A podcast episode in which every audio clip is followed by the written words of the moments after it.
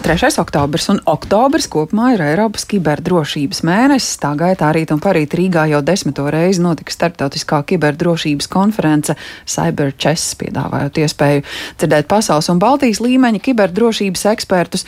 Vēl kāda gadskārta, kas jāpiemina konferences sakarā Latvijas domēnam LV šogad aprit 30 gadu un īpašu uzmanību tādā arī plānots pievērst arī domēna vārdu sistēmas drošības jautājumiem.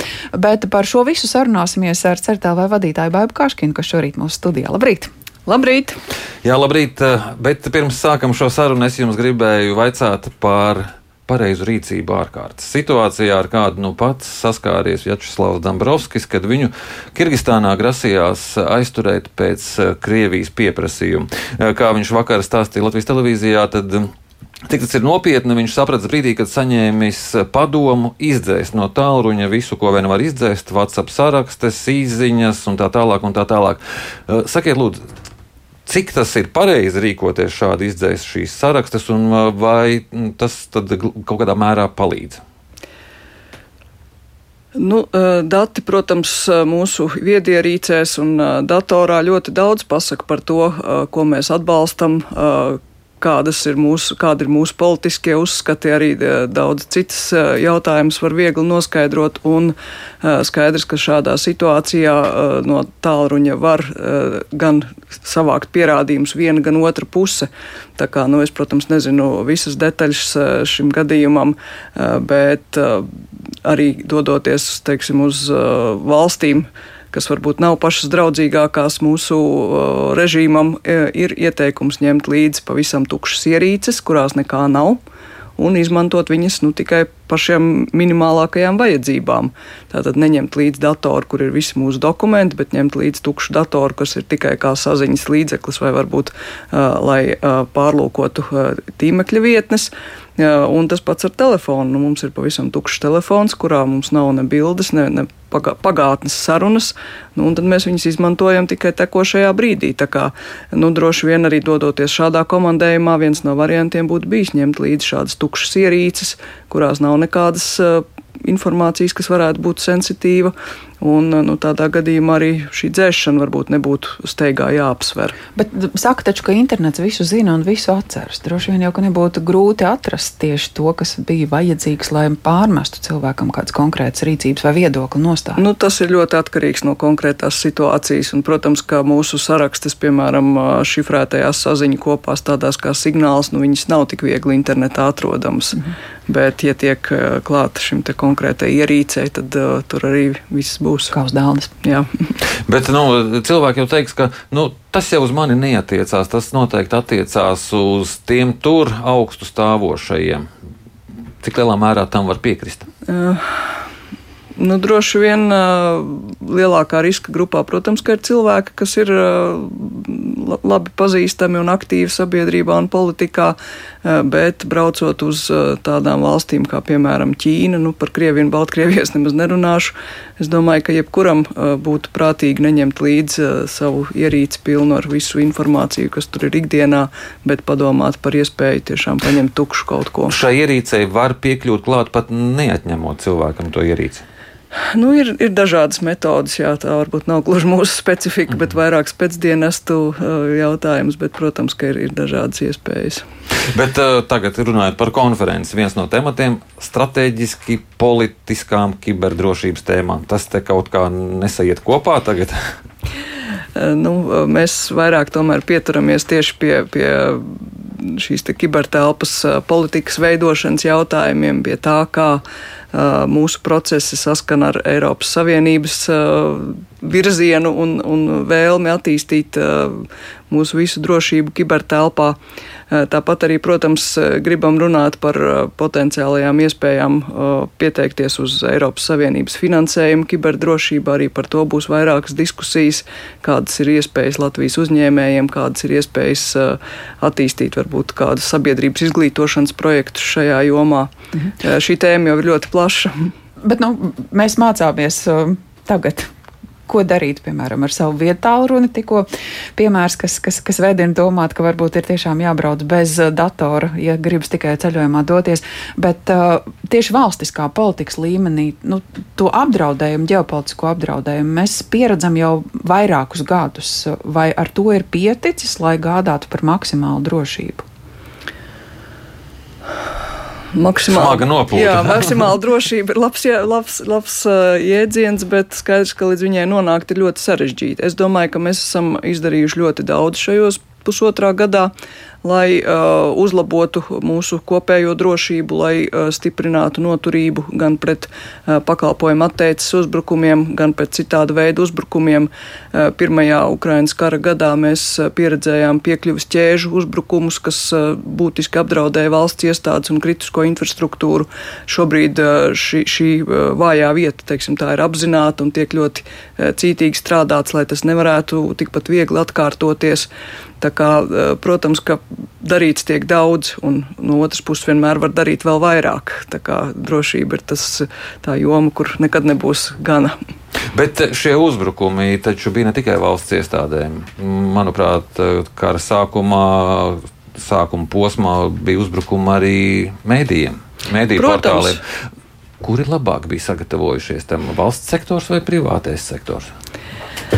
Nu, tieši piekļuves lieguma, ja pakalpojumu atteicis uzbrukumiem, es teiktu, ka valsts sektors tomēr bija labāk sagatavojies, jo jau kopš 2000. 14. vai 15. gada ir pieejama centralizēta aizsardzība tiem, tām, tiem resursiem, kas tiek uzskatīti par svarīgiem. Viņi tiek centralizēti aizsargāti, un par to arī centralizēti maksā aizsardzības ministrija privātajam sektoram, nu, tas bija vairāk tā, kuri par to ir domājuši un kuri nav domājuši. Un bija arī mēdī, kas par to varbūt nebija līdz galam uh, izdomājuši. Bet nu, viens uzbrukums un, un diezgan ātri jau kļuva skaidrs, ka šāda aizsardzība ir nepieciešama. Protams, ka ir arī cita veida uzbrukumi, uh, sarežģītāki, uh, kuriem vienkārši tāda viena siena nepalīdz, kur ir jādomā daudz plašāk un jāaizsargā gan uh, perimetrs, gan katra ierīce, gan jāizglīto lietotāji. Tā kā nu, mums jācīnās visās frontēs. Bet nu, par to politikas veidošanu gribas tomēr, lai arī tā ir kibertelpa, saskatīt kaut kādas robežas, tā Eiropas Savienības kopējā telpa, uh, kā mēs tajā jūtamies. Nu, es domāju, ka, ka šobrīd jau visi ģeopolitiskie procesi virzās uz to, ka mēs mēģinām veidot šo vienoto telpu ar Eiropas Savienības valstīm, ar NATO dalību valstīm, arī pakalpojumu sniedzēju jomā mēs cieši skatāmies, lai viņi būtu no šī reģiona, tikko pakalpojums skar kaut kādu kritiskās infrastruktūras sadaļu. Bet nu, no otras puses, protams, internets ir globāls un lai arī politiskās aprindās varbūt ir apcerēts nojaukt robežas ar visu pārējo pasauli un, un veidot atsevišķu uh, valstisku vai reģionālu internetu, tad tas, tā, protams, būs pavisam cita pasaule. Jo norobežojoties no, no visām valstīm, kas ir mums apkārt, nu, skaidrs, ka pazudīs jau ne tikai varbūt potenciālie uzbrucēji daļēji, bet arī pazudīs iespēja, daudz citas iespējas apmainīties ar informāciju, palīdzēt varbūt tiem, kas cīnās par cilvēktiesībām šajās valstīs. Tā kā nekas jau nav balts un melns. Bet eh, kādas ir prognozes, teiksim, lūkojoties tagad uz eh, situāciju hm, tepat eh, kaimiņos, šie uzbrukumi, viņi intensificēsies, būs aktīvāk? Nu, ļoti grūti, protams, to prognozēt, un arī negribās izsaukt uguni uz sevi, bet um, mums bija ļoti intensīvs pirmais kara gads, tiešām nepārtraukti uzbrukumi. Šogad pavasarī tā situācija stabilizējās, vasarā es teiktu, ka bija nedaudz mierīgāk.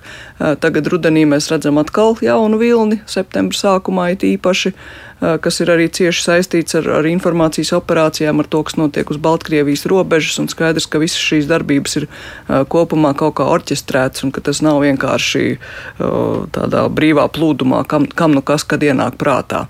Bet tā pašā laikā mēs arī redzam šogad tādu vairāk varētu teikt, simetriju vai vienlīdzību, ka uzbrukts tiek gandrīz visām NATO dalību valstīm. Nu, tā kā nav tikai Baltijas valstis vai Polija vairs ierindā līdz ar to. Protams, ka ja, ja prokrieviskajiem hakeriem un, un citiem uzbrucējiem savu spēku ir jāizdala uz visām NATO dalību valstīm, tad mūsu daļa, teiksim, tā paliek nedaudz mazāka un mums ir vairāk laika, kad varbūt tas līmenis ir zemāks. Nākotnē, kā būs, es domāju, ka tas ir ļoti cieši atkarīgs arī ar, no, no notikumiem reālajā telpā. Ja būs kādi politiski lēmumi, kas varētu potenciāli saniknot šos uzbrucējus, tad iespējams, iespējams atkal lielāki viļņi. Bet nu, es nedomāju, ka tam būtu jābūt argumentam, lai apstātos, lai ietu to ceļu, kas mūsu valstī ir nosprausts, jo kibertelpā, kā jau runājām, esam darījuši daudz, lai mēs būtu gatavi šiem uzbrukumiem. Valstiskā un, un, un politikas līmenī, bet nu, tīri no cilvēka ikdienas, cilvēka skatu punkta raugoties. Ik brītiņam izskan uh, dažādi jauni krāpnieku veidi, cilvēki paši atvadās no savas naudas, uh, tehnoloģiju brīnumi, ar ko šobrīd arī sociālajos medijos ļaudis spēlējas, ka atliek uzlikt filtru un var runāt jebkuras personas balsī. Cik uh, ikdienas vienkārša datoru un datu lietotāju līmenī mēs saprotam un spējam sevi pasargāt? Nu, skaidrs, ka tie izaicinājumi ar katru dienu pieaug. Jūs jau arī minējāt visas šīs lietas, kas varbūt pirms gada nemaz netiktu pieminētas, un pa gadu jau ir ļoti daudz kas mainījies, ir daudz plašākas iespējas izmantot mākslīgā intelekta kaut kādus rīkus un pakalpojumus. Bet nu, tā reāli es domāju, ka visvairāk tomēr cilvēkus ikdienas dzīvē apdraud tieši šīs krāpnieku kampaņas, kuras cenšas izkrāpt mūsu naudu galvenokārt no internetbankām vai kredītkartēm. Nu, tātad, jebkurš veids, kā piekļūt mūsu naudai, ir primārais, uz ko tomēr krāpnieki komerciāli motivētie skatās. Otrs ir uh, piekļuves dati, paroles, uh, nu, tātad mēģinājumi izkrāpt vai nu Facebook piekļuves datus vai, vai e-pasta piekļuves datus, lai tālāk jau uh, darbotos uh, mūsu vārdā, ar mūsu kontiem, sazinātos ar mūsu draugiem, paziņām. Uh, ja mēs skatāmies proporcionāli no tiem uzbrukumiem, kas pie mums, uh, par ko mēs uzzinām, par ko mums ziņo, uh, tad tieši šī, šī veida krāpniecības un um, datu pazaudēšana ir visaktuālākā. Protams, ir atsevišķi gadījumi, kur ir arī daudz uh, rafinētāki, smalkāki uzbrukumi. Uh, bet nu, tur potenciāli pašlaik tas skaits ir ļoti neliels. Mm -hmm. Tā kā tās pamata patiesības, kas jau neskuro gadu tiek daudzināts par savu datu sargāšanu, aizvien ir tas svarīgākais. Tieši tā, un, nu, piemēram, CERTLV piedāvā pakalpojumu DNS ugunsmūrus, ko var izmantot jebkurš Latvijas internetu lietotājs. Tā ir iespēja sev pasargāt no, no šāda veida krāpnieciskām kampaņām, jo tikko mēs uzzinām par šo kampaņu, mēs šos resursus jau ievietojam ugunsmūrī, un ugunsmūru lietotāji nu, būs pasargāti. Bet bet tāpat vecās patiesības par divu faktoru autentifikāciju, kur tas ir iespējams, par paroļu uh, rūpīgu glabāšanu, par kritisko domāšanu. Nu, tur, tajā jomā nekas jauns, diemžēl, nav izdomāts un jāpieturās pie vecajiem padomiem. Jā, liels paldies jums par šo sarunu. Mūsu studijā bija Informācijas tehnoloģija drošības incidentu novēršanas institūcijas CERTLV vadītāja Baiba Kaškina. Paldies! Paldies! paldies.